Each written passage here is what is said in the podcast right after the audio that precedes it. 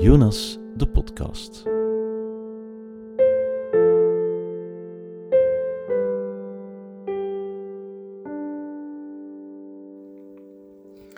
Het enige wat dat, ehm, de rechtbank heeft beslist, uiteindelijk in het belang van het kind, dat was dan na een jaar en een half, is dat eh, de kinderen, eh, dus ja, de verblijfsregeling is dan uitgesproken geweest en de kinderen zijn negen dagen naar mij toegewezen en vijf dagen aan de papa. En, eh, maar dat is pas na een jaar en half. En in die tijd zijn er zoveel verschrikkelijke dingen gebeurd. Erge, erge, erge dingen. Ja, en ondertussen ondergaat je dat. En uh, dat passeert. Daar wordt er niet direct op ingegrepen of zo door instanties. En je ziet je af ondertussen. Je ondergaat je dat, je verwerkt je dat, je vangt je je kinderen op in hun emoties en je eigen emoties. Um, een ware hel, onbeschrijfelijk. En uh, het leven gaat verder. Dat is, ja, te zot gewoon. Dat je dan nergens die erkenning of bevestiging krijgt van die instanties. Uh, en dan na een jaar en half wordt dat vonnis uitgesproken. Hoe dan ze zei dat, op wat dan ze zich gebaseerd hebben of zo, ik weet het niet, maar uh, ja. Je luistert naar Jonas, de podcast waarin we jongeren en ouders willen ondersteunen na een scheiding. Wij, dat zijn Vanessa en Sophie. Sophie is advocaat en familiaal bemiddelaar. En Vanessa is klinisch psycholoog en therapeut. We vroegen een aantal mensen naar het echte verhaal van hun scheiding of van de scheiding van hun ouders. En met deze ervaringen en verhalen trokken we naar een aantal experts in Vlaanderen en Nederland. In deze aflevering zijn wij in gesprek mogen gaan met een familierechter uit het Antwerpse, Jacques Mailleux. Jacques heeft echt zoveel ervaring dat wij zeer dankbaar waren dat hij ons te woord wou staan. Het is dan ook een zeer boeiend en fijn gesprek geweest. Jacques is echt een gedreven familierechter die er niet voor terugdeinst zijn frustraties te delen over de samenwerking tussen justitie en hulpverlening. Net waar wij met onze podcast de linken willen leggen. Fijn, bedankt Jacques dat wij hier uh, in Antwerpen op de familierechtbank hè, mochten komen. We hebben nu ook eerst een uh, zitting op de Kamermindelijke Schikking uh, mogen meemaken met u. Maar ik zou het fijn vinden als je je voorstelt aan de luisteraars wie dat je bent, wat uw carrièreverloop al geweest is en zo verder. Wel, ik ben Jacques Mailleur. Ik ben nu bijna 70 jaar, dus ik ben eigenlijk een in rust gestelde magistraat die werkt. Hè, dat, dat is eigenlijk een juridische titel. Uh, sinds na, na, mijn pensionering op 67, ik kan me voortwerken over het plaatsvervangend rechter en ik blijf dat, uh, die job doen. Mm -hmm. Nu, mijn carrière is eigenlijk een, ik ben opvoeder geweest, ik ben bij gehandicapte kinderen tijdens mijn studies, dat was een dertigtal uur per week. En daarna ben ik aan de balie gesukkeld eigenlijk en dat was een, vrij succesvol denk ik toch. Maar dat werd moeilijk te combineren met een gezin. Omdat hij te vroeg wegging van zijn kantoor en te vroeg en te laat thuis was. Ik heb dan het geluk gehad van magistraat te kunnen worden. En daar heb ik eigenlijk alles gedaan wat je kunt voorstellen als magistraat. Dus een burgerlijke zaken, correctionele zaken. Ik ben 17 jaar onderzoeksrechter geweest. Ik ben vijf jaar voorzitter van deze rechtbank geweest. En nadat ik voorzitter was, was ik de eerste rechter in België die eigenlijk kamerlijke schikking deed op 1 september 2014. En sindsdien ben ik familierechter ja. in, de, in de rechtbank. Ja. Dat is eigenlijk back to the roots, want ik heb eigenlijk ook het Hoger Instituut voor gezinswetenschappen gedaan. Ah, ja. Met die opvoeder was eigenlijk ook altijd kinderen ah, ja. bezig zijn. Aan de balie had ik heel veel rechtsscheidingen. Ik was een van de medewerkers, misschien een groot woord, maar toch nauw betrokken bij de oprichting van een vluchthuis in Antwerpen voor mm -hmm. andere vrouwen. Dus ik heb back to the roots eigenlijk. Ja. Ik heb ook in een centrum gezeten, man, vrouw en gezin, waarbij nu een, dat nu een CAW geworden is eigenlijk, waarbij men een team had die de maatschappelijke assistenten begeleiden bij een juridische vragen. Ja, ja. Wauw, wat een palmares. Ja, ja, een hele weg. Amai. Ja, ja maar ik ja. ben gelukkig met mijn carrière, ja. Ja. dus ik kan dat wel zeggen. Ja. ja. Ik wil je zo vertellen, uh, kamerminnelijke schikking, ik wil je vertellen familierechtbank, burgerlijke rechtbank. Ik ben zelf geen jurist. Zou je kort eens kunnen uitleggen, zo die kamerminnelijke schikking, dat is binnen familierechtbank. Wat is daar juist de bedoeling van? Nou, ik zal eens eerst vertellen, de familierechtbank. Ja. Vroeger gaf ik spreekbeurten over de, het labyrint van het gerecht. Dat is een titel van een boekje trouwens ook. En voor koppels die uiteengingen, hè, als Ja. het eigenlijk echt een labyrint. Hè. Ja. Ofwel was men getrouwd, hè, en dan moest men, als men uiteenging, maar nog niet scheiden, naar de vrederechter gaan. En die besliste dan over waar men ging wonen, wie de kinderen mocht zien en welke onderhoudsbijdrage. Was men niet getrouwd, dan moest men naar de jeugddichter gaan. Als er dan nadien ruzie was, moest men van de jeugddichter wel over het verblijf gaan discussiëren, maar over het geld bij de vrederechter. Nu dat getrouwd koppel, dat toch koos voor de scheiding, moest naar de burgerlijke rechtbank komen, maar voor het, al die regelingen, hè, de, de voorlopige maatregelen zoals wij zeggen, verblijf, waar zijn de kinderen bij wie, wanneer, en hoeveel betaal je, moest men naar het kortgeding gaan. Ja. Dus eigenlijk was echt een labyrint hè, met alle ruzies en tijdverlies voor iedereen. En dan heeft de wetgever gezegd, we maken er één rechtbank van. En dat is de familierechtbank. Dat is vanaf 1 september 2014 in Voegen. De, rechter, de, wetgever spreekt over de familie- en jeugdrechtbank. Nu, een familierechter is geen... Ik ben een familie- en jeugdrechter, Ja. maar eigenlijk zijn dat twee totaal verschillende taken. De jeugdrechter houdt zich bezig met kinderen die zeer grote zorgen hebben door opvoedingsomstandigheden of door het feit dat zij stout zijn, misdrijven plegen, of als misdrijf omschreven feit. Dat is de taak van de jeugdrechter. De familierechter houdt zich bezig meer met de geschillen tussen de ouders. Ja. Onder meer. Want wij hebben natuurlijk nog veel meer bevoegdheden. Erfenissen, testamenten, eh, ook mensen zonder kinderen kunnen bij ons terecht. Maar hier in Antwerpen is het eigenlijk verdeeld naar een kamer voor mensen met kinderen, minderjarige kinderen. Een kamer voor mensen in geval van echtscheidingen met, zonder kinderen of met meerderjarige kinderen. Ja. Want wij doen ook de verdeling bereffeningen, want als men getrouwd is of men heeft wettelijk samengewoond, wat er moet verdeeld worden, dat gebeurt er eigenlijk ook. Nu, in het kader van de familierechtbank is er ook een kamermiddelijke schikking. Dat is zeer innovatief, dat is vanaf 1 september 2014. En daar kunnen partijen een soort bemiddeling, het is geen bemiddeling, het is een soort bemiddeling, hun probleem voorleggen en bespreken in aanwezigheid van een magistraat, al dan niet met hun advocaten. Ja. Het zijn niet advocaten die daar pleiten, het zijn de mensen die met elkaar spreken. De rechter moet daarvoor opgeleid zijn. Ik heb zelf een opleiding bemiddeling gevolgd. Maar het is geen echte bemiddeling. Maar ook de rechter zal zeggen, eh, ik vind dit of ik vind dat, terwijl een bemiddelaar dat in principe niet mag doen. En bovendien, eens dat men op die kamer zit en men komt van de gewone zitting, men kan niet gaan lopen. Ja. Komt er niks uit op de kamermiddelijke schikking, dan gaat men terug naar de zitting. Ah ja, oké. Maar men kan ook rechtstreeks naar de Kamer met een schikking gaan. Het gebeurt meer dan 100 keer per jaar op onze rechtbank, waarbij een brief schrijft naar de rechtbank. En zegt, voilà, roep mijn partner op, we hebben, nu, we hebben een akkoord gehad in een tijd en dat gaat niet meer. Of we zijn uiteen, we hebben eigenlijk, ik wil een vaste regeling hebben. Hè, men komt uiteen en, en die papa betaalt dan wel wat er moet betaald worden, maar, maar de mama zegt, ik wil een vast bedrag. Ik wil eigenlijk niet elke keer moeten vragen, er wordt uit de Kamer met een schikking. En heeft u het gevoel dat dat eigenlijk ja, gekend is dan bij de mensen, die kamermedewerkers? Wel, over bevraagd, we hebben zeven per week die vol zitten. Ja. Ja. Ik doe er zelf drie en nog collega's doen er andere. Ja. Dus eh, we hebben een succesratio van geheel of gedeeltelijk akkoorden van de mensen die van de zitting komen van 86,5% Ah ja. en van de mensen die rechtstreeks komen van een 75%. Ja. Dus dat heeft een, vind ik, een groot Absoluut, succes. ja. En nu is er eigenlijk een nieuw systeem vanaf januari, als ik dat mag zeggen. Want ik heb wel altijd de indruk dat Antwerpen zo wat een van de pioniers is wel. Hè. Zo Ja. bijvoorbeeld, jullie zijn, werken nu als Het zijn met dus jongere mensen die nu de leiden. Hè, Ja. Onge- Jonge, ongeorganiseerde mensen. En eigenlijk de bedoeling is eigenlijk, kom er zelf uit. En die hebben nu een opvolgingskamer, waarbij de mensen, voordat er gepleit wordt, en dat is eigenlijk ook om de Kamer met een geschikking te ontlasten.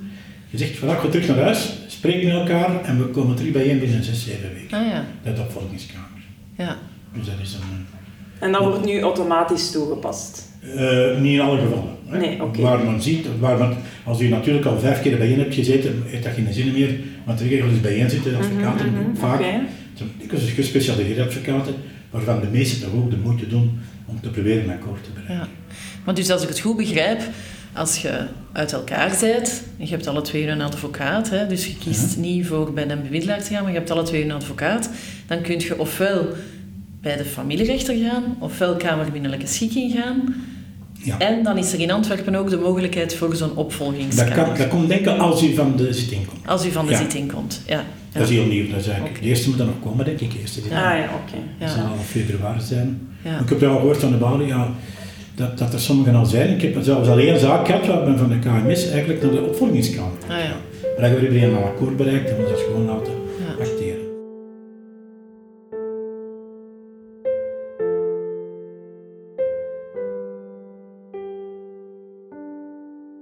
Mijn procedure die loopt nog steeds. Ehm, tot op vandaag ehm, vind ik het een echte verschrikking. Een scheiding, dat is een emotioneel gebeuren. Eh, je wordt opeens geconfronteerd uh, met een heel afstandsgebeuren in die procedure. Um, er wordt gedurende een aantal maanden conclusies naar elkaar geschreven, uh, met allerhande verwijten. En dan krijg je een kort moment voor de rechtbank om je verhaal te doen. En een aantal maanden later krijg je dan gewoon een vonnis uh, in je mailbox. Of ook niet. Um, een vonnis, dat brengt wel duidelijkheid. Uh, in mijn zaak heeft eigenlijk de KMS, uh, de Kamer van Minderlijke Schikking, de meeste veranderingen teweeggebracht, die ook meer rust hebben gebracht. En ik ben ervan overtuigd dat als er meer sessies kunnen worden toegezegd in plaats van drie, zoals het vandaag is, dat er geen verdere procedure nodig was. En ook geen beroepsprocedure die nu nog loopt. En het grootste verschil tussen gewone zitting familierechtsbank en de zitting minderlijke schikking, dat is de Tijd. rol, de tijd. De tijd die men heeft. Hè. Soms, toen ik eh, de gewone zittingen deed, had ik een eh, twintigtal zaken erop staan, Ja. waarvan meestal tien doorgingen. Hè. Dus, Ja. eigenlijk een- wat komt, weet ik niet. De helft van de zaken worden op verzoek van de partijen uitgesteld. Ja. Dus men heeft dan tien zaken, ze krijgen natuurlijk zijn tijd.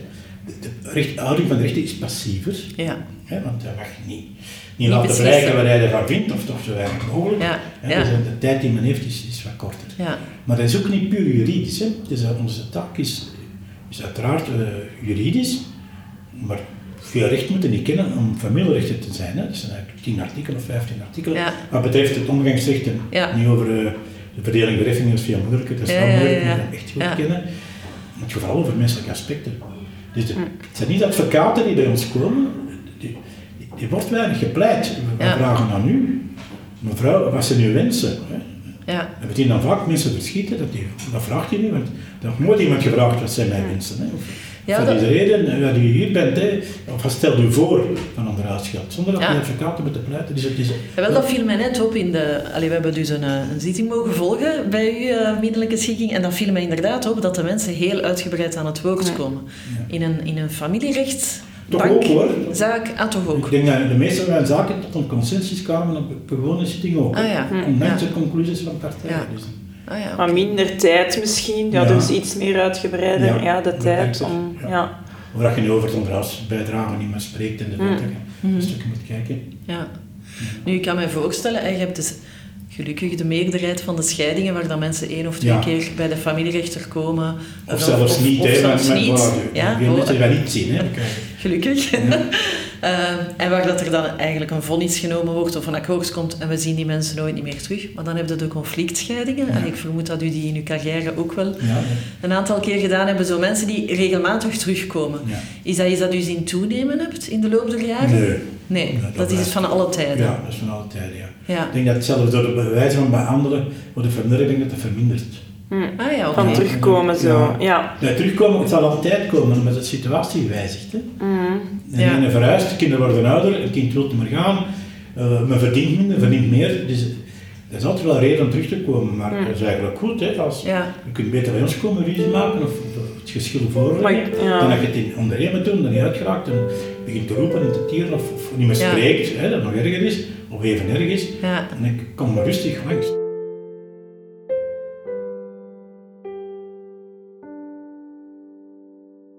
Er is ook één momentopname ehm, dat het EOT wordt opgesteld en dat is dan vlakbij de scheiding. Maar gaandeweg ja, zou dat moeten kunnen veranderd worden of aangepast worden, maar dat, dat, dat is niet zo gemakkelijk. En nu is het EOT dat tien jaar geleden werd opgesteld, of bijna tien jaar geleden werd opgesteld, is dat nog altijd wat dat geldt.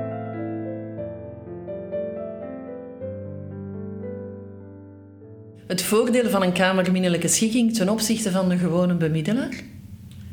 Omdat men hier niet weg kan. En de tweede, omdat ik mij zal uitspreken. Hè, over Ah ja, bijvoorbeeld oké, ja. de grootheid van de onderhoudsbijdrage. Het een Ik zal mijn gedachten zeggen Ja. over het omgangsrecht. Ik, ik zal denken aan praktische moeilijkheden die dat wegbrengt, waar men dikwijls niet bij stilstaat. Details over kerstmis, nieuwjaar. Ja. En dat mensen denken daar niet aan, maar dat geeft dan al ruzies. Ah, ja, ja. Eh, weten wat er... Wij kennen de problemen die voorkomen op de rechtbank en dat proberen wij alleszins te vermijden in het akkoord dat partijen sluiten voor de Kamer met Ja, beschikking. Of we wijzen hen tenminste op, dat kan een probleem worden, ja of nee. Ja. En je hebt ook direct een vonnis mee.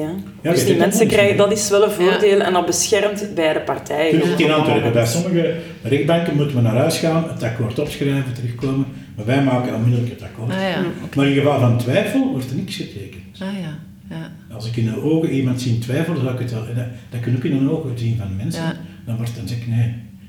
Je bent Nee, want soms durft het dan misschien weer te snel te gaan. Maar ja, goed, dan kunnen ze nog eens ook over je terugkomen. kinderen, Hè? over Ja. gevoelens, hè, over eigen gevoelens. Je moet erachter staan, of niet. Hè. Ja. Dus in geval van twijfel niet. Hè. Dus Ja. Dat is toch een regel. Komen er soms andere mensen mee, bijvoorbeeld nieuwe partners of grootouders Nee, die Een zitting? vertrouwenspersoon. Die mogen niet mee. Een Nee. vertrouwenspersoon mag niet mee. Nee. Nee. Nee. En is dat anders in de familierechtbank? Want daar mag dat toch wel, hè? Nee, ook niet. Nee? Nee, een vertrouwenspersoon mag meekomen met een kind dat gehoord wordt door een rechter. Ah ja. Daar kan een vertrouwenspersoon eventueel bij zitten.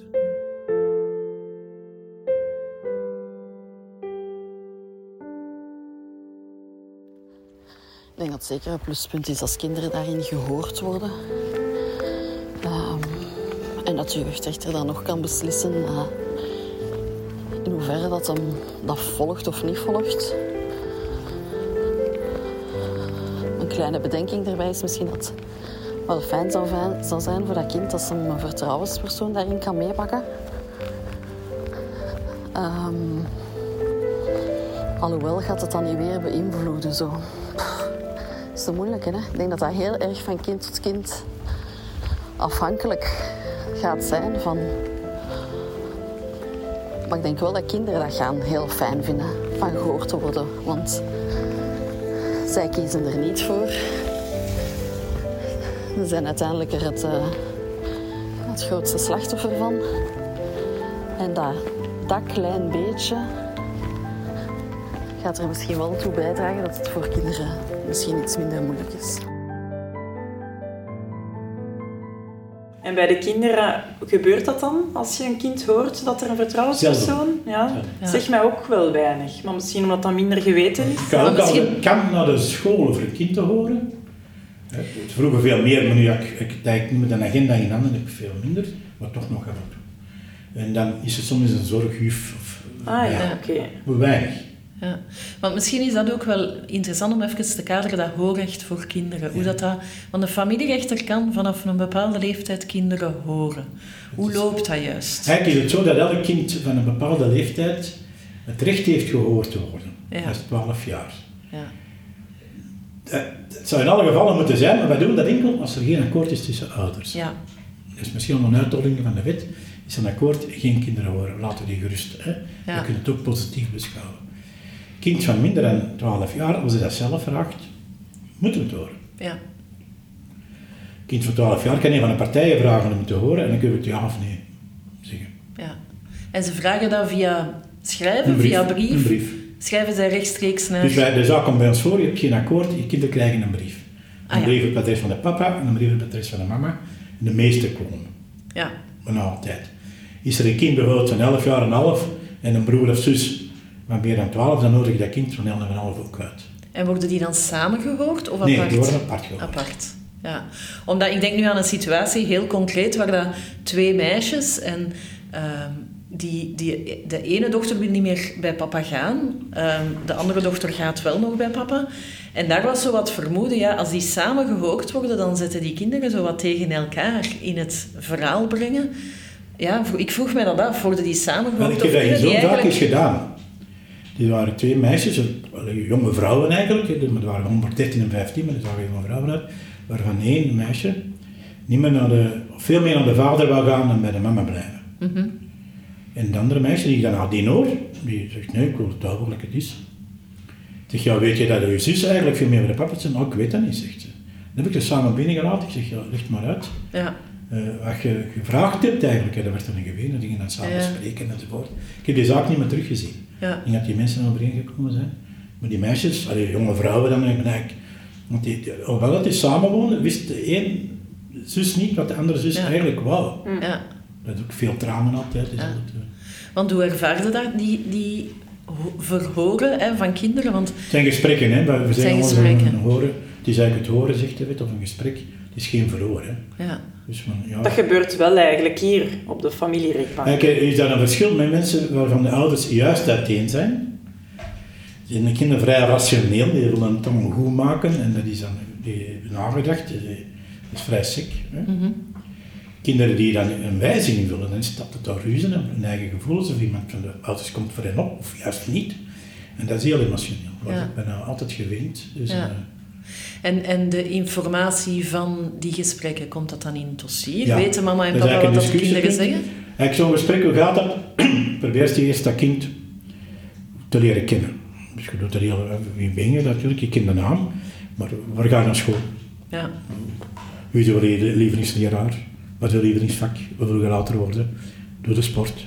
Welke sport? Wat doe je in die sport? Wat, het hobby's en dan maar hobby's enzovoort. Dus dan, eh, en dan kom ik tot de kwestie, waar woon je? Dan, dan heb ik het antwoord. Dan, soms zeg ik, woon in Eker en ik woon in Schoten. ja, Die, hebben Ja. twee thuisen. Soms zeg ik gewoon bij mama. ja, eh, of bij papa. dus- En, dan ben, en ik ben bij papa dan. Hè? Ja. En is dat, zo weet je eigenlijk al iets. En, dan, en hoe vind je dat? Ja. Dus eigenlijk altijd open vragen stellen. Hè? Dus nooit, eh, vind je dat goed? Dat is al verkeerd. Hoe vind je dat? Hè? En dan vraag ik soms, als je een toverstok zou hebben, wat zou je dan toveren? ja, En ik dan met de vraag, hebt u een boodschap aan uw ouders? ja. We stellen geen waarom-vragen. Nee, Daar heb je geen antwoord op. nee. Als, als iemand zijn vader niet wil zien, of zijn moeder, en je vraagt waarom, dan gaan ze redenen zoeken, dan krijg je de grootste prullen. Je hebt toen dat gezegd, je hebt toen dat gezegd. Eigenlijk. Ja. Je gezegd dat ik een varken ben, drie jaar geleden. Was, Ja. We vinden altijd wel de stok om te zagen, maar het is, het is een heel moeilijk antwoord. Hè? Waarom? Ja. Waarom zit je met een man getrouwd? En, hoe, Ja? en hoeveel, hoeveel speelt dat door, dat gesprek met die kinderen? Want ik, ik ken een aantal situaties, gewoon uit de praktijk, waar dat kinderen echt denken, ah, de rechter eh, gaat mij horen, dus ik mag kiezen. Of de ouders denken dat Of de ouders denken dat, maar eh, klopt Maar dat? soms doe ik dat ook. Hè. Dat, dat, dat, dat reken- wij geven het gepast gevolg. Dat is eigenlijk de uitdrukking in de wet. Ja. Want geen de kinderen zeggen. Want dat, veel hangt dat van de leeftijd van het kind zelf. Ja. En je voelt ook dat sommige kinderen totaal beïnvloed zijn. Mhm. Je voelt ook dat de kinderen met een boodschap binnenkomen van de ouder die ze gebracht heeft. vaak, hè. Vandaar ook dat ik in school liever ga. Dan zijn ze in een vertrouwd milieu. Ja. Dus eigenlijk, maar dan tijdens dat gesprek met mij geef je soms nog iets anders. En mensen dan zeg ja, hoe voel jij? Hoe voel je je erbij? Ja, ik denk Ja. als je de juiste vragen stelt, dat je daar dan misschien Dan wel kunt binnenkomen met de doorbreken. boodschap, ik wil Ja. week, week. Ja. Want ze zien een papa graag, ze zien een mama graag en dan legaal aan de beide. Maar dat je dan zegt, ja, je wilt er eigenlijk een week hier wonen, Ja. een week daar wonen. Ja. Dan zeg je ja, eigenlijk misschien later wel. En dan, komt dat zo. en dan verschiet die papa dat, maar tegen mij is er nog juist gezegd dat ze wel een week weg wilt. En hoe ervaarde dat? De kinderen zelf die binnenkomen, die zijn misschien angstig, maar eigenlijk gaan die wel oké naar buiten. Omdat iedereen al wel... Allee, er durft toch... Het is toch normaal dat je wat zenuwachtig bent, dat je Voilà, voilà. Maar Ja, dat is ook zonder uiteindelijk... toga, hè, dus... eh, en we zitten ja, vaak voilà, dicht het is ook een andere setting. Ja, dat is waar. Maar ik, allee, ik had wel ook een keer uit een, een onderzoek is gebleken dat eigenlijk de kinderen dat dat wel oké vinden en geapprecieerd wordt, allee, ik zal het zo zeggen, dat ze wel worden gehoord, dat er ook naar hun mening wordt gevraagd, Ja. dat, dat die participatie Ja, dat toch wel ja. niet onbelangrijk is. Ja, als therapeut zijnde hè, vraag ik mij wel soms af. Dat zijn toch dikwijls heel complexe... Allee, ik denk nu aan de conflictscheidingen. Hè? Niet, Ja, ja. niet de gewone scheidingen, maar zo de conflictscheidingen. Waarin dat voor kinderen toch ook heel moeilijk is om te zeggen... Wat wilde? Of hoe zie jij dat? Of wat is u... Allee, ik denk dat die soms het een willen en soms ander willen. Dat is toch ook wat dat we heel vaak horen van kinderen. Maar dat van... wil je vragen we niet, hè. Ah, nee. Nee. Hoe vind je dat? Ja. Wat zou je het ideaal vinden? Dat weet je wel, Ja. hè? dat wordt wel gezegd. Hè? Ja. Dus, nee. Ja. Dat, dat is heel moeilijk natuurlijk. Ja. Wat wil je? Hè? Dan, maar dat- soms komen ze met een boodschap af. Hè? Ja. Dat ze het totaal geen week, week niet meer willen eigenlijk. Hè? Dat zijn Ja. de meeste conflictscheidingen eigenlijk. Hè? Ja. Eh, het verblijf. Hè? Vindt u dat... Ik ga soms eens een beetje een stoute vraag stellen, hè, maar vindt u dat rechters daar voldoende voor ook psychologisch opgeleid zijn om met kinderen die gesprekken te hebben? Of, of, of zie ik dat verkeerd? Ik, ik, Ik denk dat wij de opleiding die ik heb gevolgd bij het eh, instituut gerichte opleiding was eigenlijk niet goed. nee.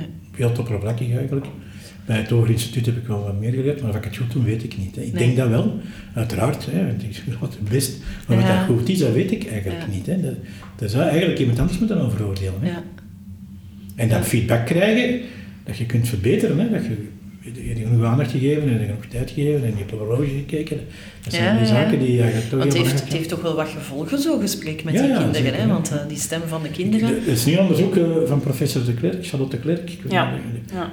En die heeft elke, bijna elke familie zich dan gevraagd, maar je erbij dit een kwartier en afhaspelen. Ja, Als ik dan nog gaan afhaspelen tegen mijn collega's, bij mij door het gesprek minstens een half uur. ja, Ja. En dan kun je veel zeggen hoor, ja, ja, ja. Dus Ja, ik denk ook zo... reactie, hè. Het uur ervoor, het uur erna, de avond ervoor, denk ik, moet ik bij een rechter gaan. Ben ik bij mama als ik naar de rechter ga? Ben ik bij papa als ik naar de rechter Wie gaat er met mij? Wat gaan ze... Gaan mama en papa horen wat ik daar allemaal zeg? Dat zijn toch wel wat zaken die druk kunnen leggen. Hè? Ik ben zeker voor kinderen die gehoord worden, hè, voor alle duidelijkheid. Maar ik vind dat toch niet zo evident wat dat we soms van kinderen vragen daarin. Ja, dat is dan, ze moeten vrij zijn te spreken en dat is juist de kunst om ze op hun gemak te laten stellen. En dan, ik zeg het u juist dat ze soms met een boodschap binnenkomen om de papa te plezieren eigenlijk, zonder dat ze dat heel erg vinden, maar dat je dan de tijd geeft om na te denken, dat ze toch zeggen, ja, Ja. dan moet Ik je denk als je, plezier doen, ja, als je het goed aanpakt, denk, allee, voor, als ik nagevraagd heb dan, bij de zaken die ik ken, heb ik dan wel gehoord van de kinderen, ik ben wel toch blij Ja. dat ik dat gedaan heb. Ja. Wat dat ik weet. Hè. Niet van, allee, daarom iedereen, of ik kan Ja. dat niet. Maar ik denk dat er zoveel factoren zijn, maar ik weet niet, worden ze soms nog eens teruggevraagd? Ja, Ja. dat gebeurt. Hè. Ah, ik, heb, ja. ik heb er bijna vier keer gezien. heb. Oké, Dus, ja, dat is, dat is ook Want wel... vanuit de getuigenissen ook, en allee, het gesprek met de mevrouw van ook Awel zei ook, zijn hè, ook zo het horen. kinderen. Hè. Ja, dus als er, Ja. als er meer mag gegeven worden bij de ene dan bij de andere, ja, dan is er een Ja. keuze erop gemaakt.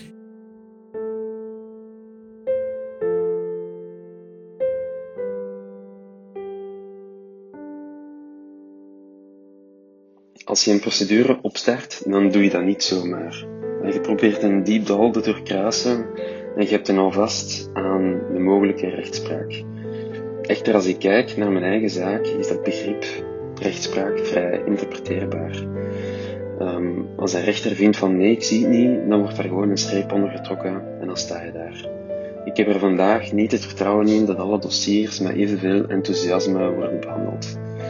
Welke garantie kan er gegeven worden aan de gewone mens dat als een procedure wordt opgestart, er ook echt naar wordt geluisterd of onderzocht?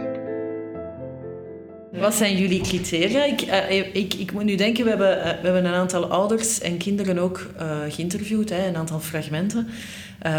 En de ene papa, waar dat ik nu moet aan denken, had zo het gevoel ehm, dat het bij de familierechter hè, of bij de rechter toch ook een beetje zo à la tête du client is. Hè? Dat er zo weinig criteria zijn ehm, om te beslissen welke uitspraak dat gaat volgen. Wat zijn zo criteria waarop dat jullie jullie baseren hè, voor wel een weekweekregeling, geen weekweekregeling, vijf, negen, weekend. Allee, wat zijn zo Ja, criteria? Criteria dat moeten zijn het hoger belang van het kind. Ja, Maar Het is bij me geen boekje waar dat eigenlijk in staat, maar dit is het belang van het kind en dan hebben we dat zeker te volgen. Ja. Dan moet het dus eigenlijk naar de pedagogische studies gaan. Ja. Dan vinden die het hoger belang van het kind. Het eerste belang van het kind is dat duidelijk overeenkomen. ja. Dus zo weinig mogelijk Maar dan moeten we nog altijd zien als rechter, het is niet mag overeenkomen. Als ik vind dat dat niet in belang van kind is, zal ik het dan ook zeggen. Ja, dan-. Ik hoor dan soms kritiek van advocaten. We komen dan, we komen dan binnen met een heel akkoord en het begint weer en het, is, eh, het valt in, in dagen. Hè. Ja, Maar soms zijn mensen akkoord, terwijl ze denken dat ze moeten akkoord gaan. Ja. Dus met de, letterlijk met de week-weekregeling, het gelijkmatig gedeeld verblijf, dat, dat gaat rond bij de mensen dat dat moet. En dat er dan niemand betaald worden. ja, Maar dat is zo niet. ja. We moeten het hoge belang van het kind altijd zien. We moeten, het, we moeten ook niet. We moeten het eigenlijk nakijken wat het in belang van het kind is. Ja. Zelf. De rechter moet oordelen dat dat niet tegen, te- niet tegen het belang van het kind is. Dat is de rechter zelf. En als we dan lezen dat de mensen die er wel iets van kennen, en dat zijn dan de pedagogen en de psychologen, zien, dan blijkt dat voor een jong kind nefast te zijn. ja. Niet voor elk kind, maar voor de meeste kinderen blijkt dan, als ze 30 jaar zijn, dat die serieuze echtingsproblemen hebben. Ja, kan u daar een leeftijd op plakken? Want ik, ik kan mij nu al een aantal luisteraars eh, voorstellen die zeggen, ah, jong kind, nefast, dus geen week-weekregeling voor mij. Ja, het is eigenlijk eh, voor een heel jong kind, hè, je moet dat eigenlijk gradueel zien. Het is een, een boelke, hè, Ja. een baby, is het heel belangrijk dat er heel vaak korte contacten zijn. Mhm.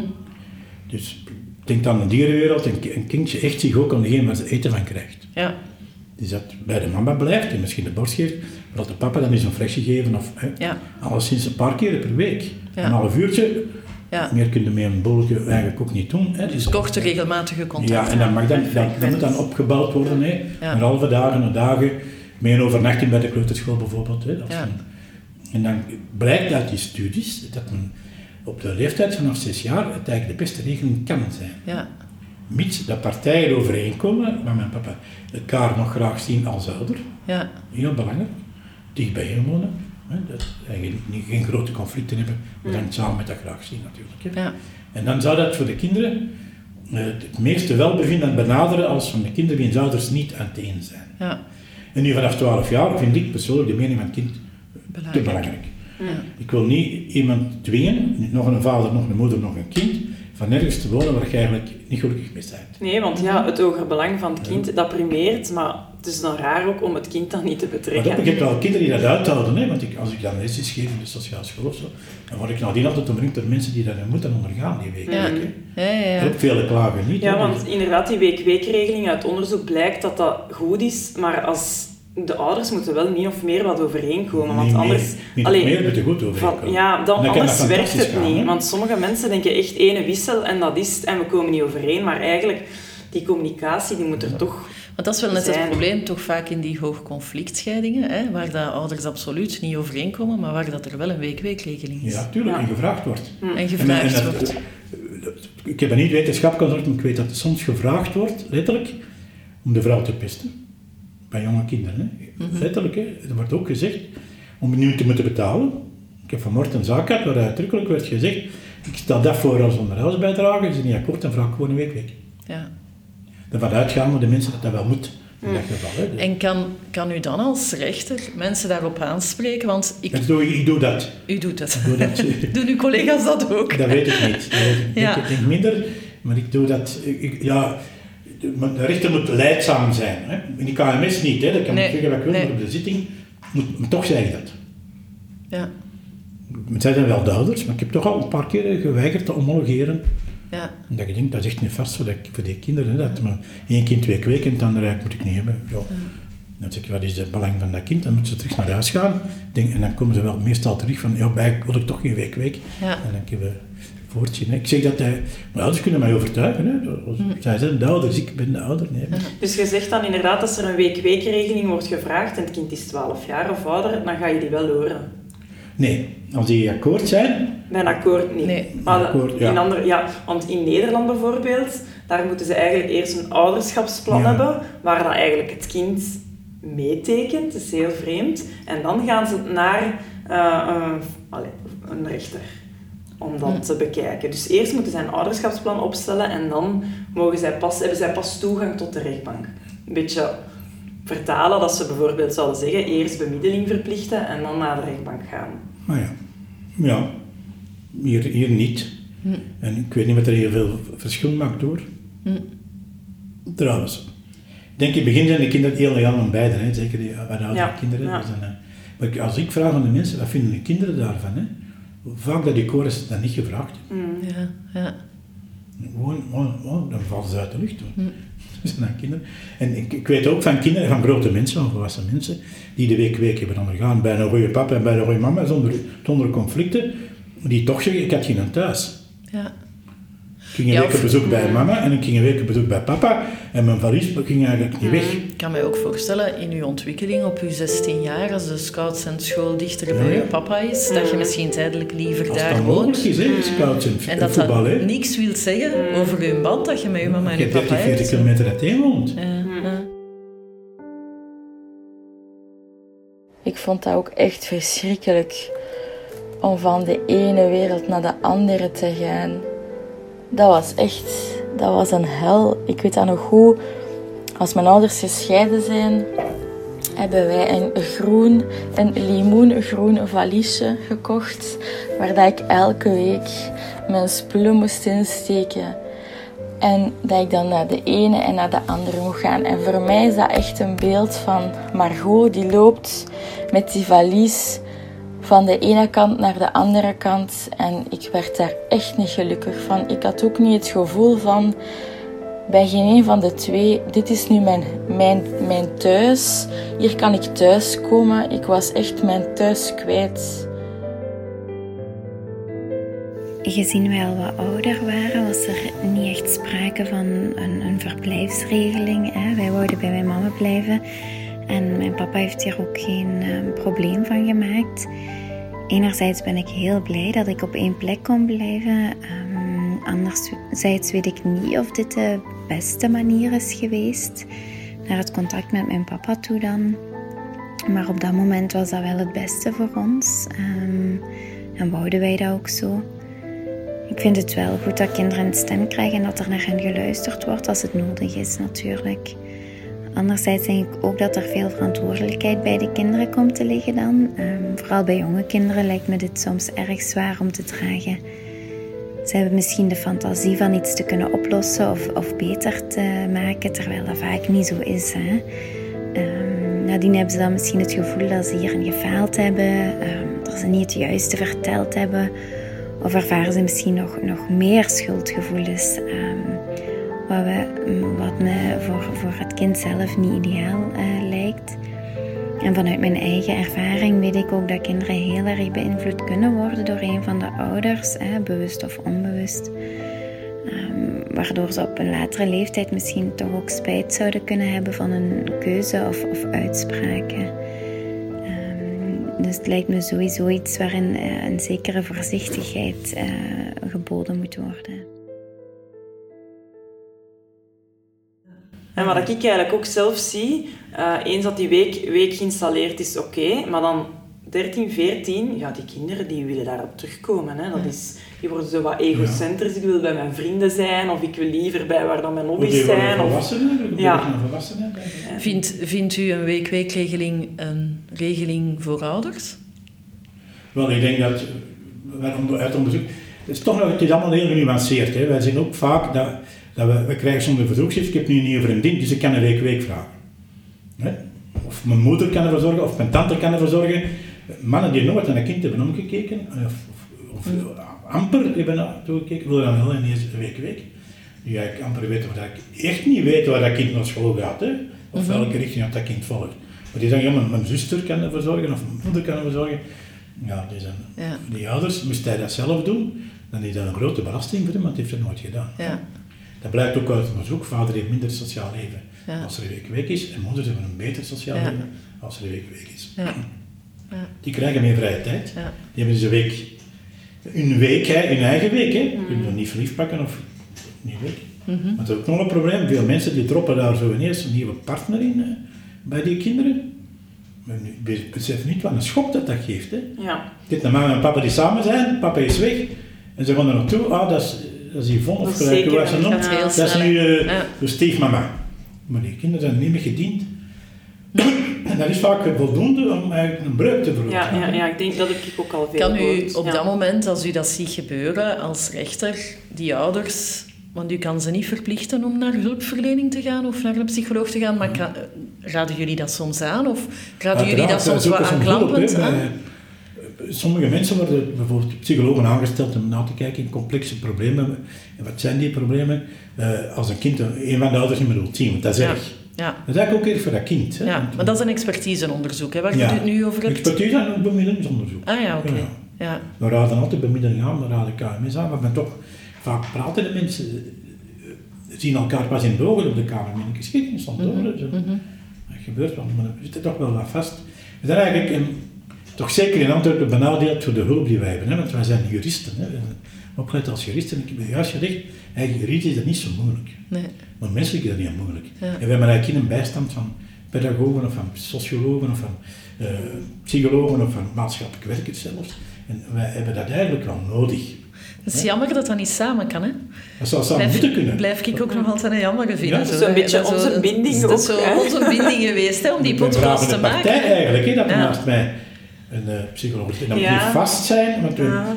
onder de justitieassistenten, hè, die, Ja. weet je wat die doen. Hè? Dus- Maar ja, we hebben het eigenlijk ook nog net over gehad, hè, Vanessa, dat we zeiden van als ik als familiaal bemiddelaar werk, eigenlijk zou dat wel niet slecht zijn als, je, als er iemand wordt ingeschakeld, dat er ook eens een psycholoog mee volgt of een er twaalf. Want ja, je kunt Ja. niet twee petjes op En die ook hè, vragen kan stellen, hè? Ja, ja, ja. Die vragen die wij niet zien als juristen. Ja. Ja, ik, ik moet zeggen, daarnet in de middelijke zieken had ik een aantal keer zo de, de, de neiging, maar ik dacht, ik ga het niet doen om zo iets te vragen of iets te zeggen. En je voelt dan toch wel een, een andere bril. Ja, ja. En dat is belangrijk natuurlijk, hè, dat je als rechter rechter kunt zijn.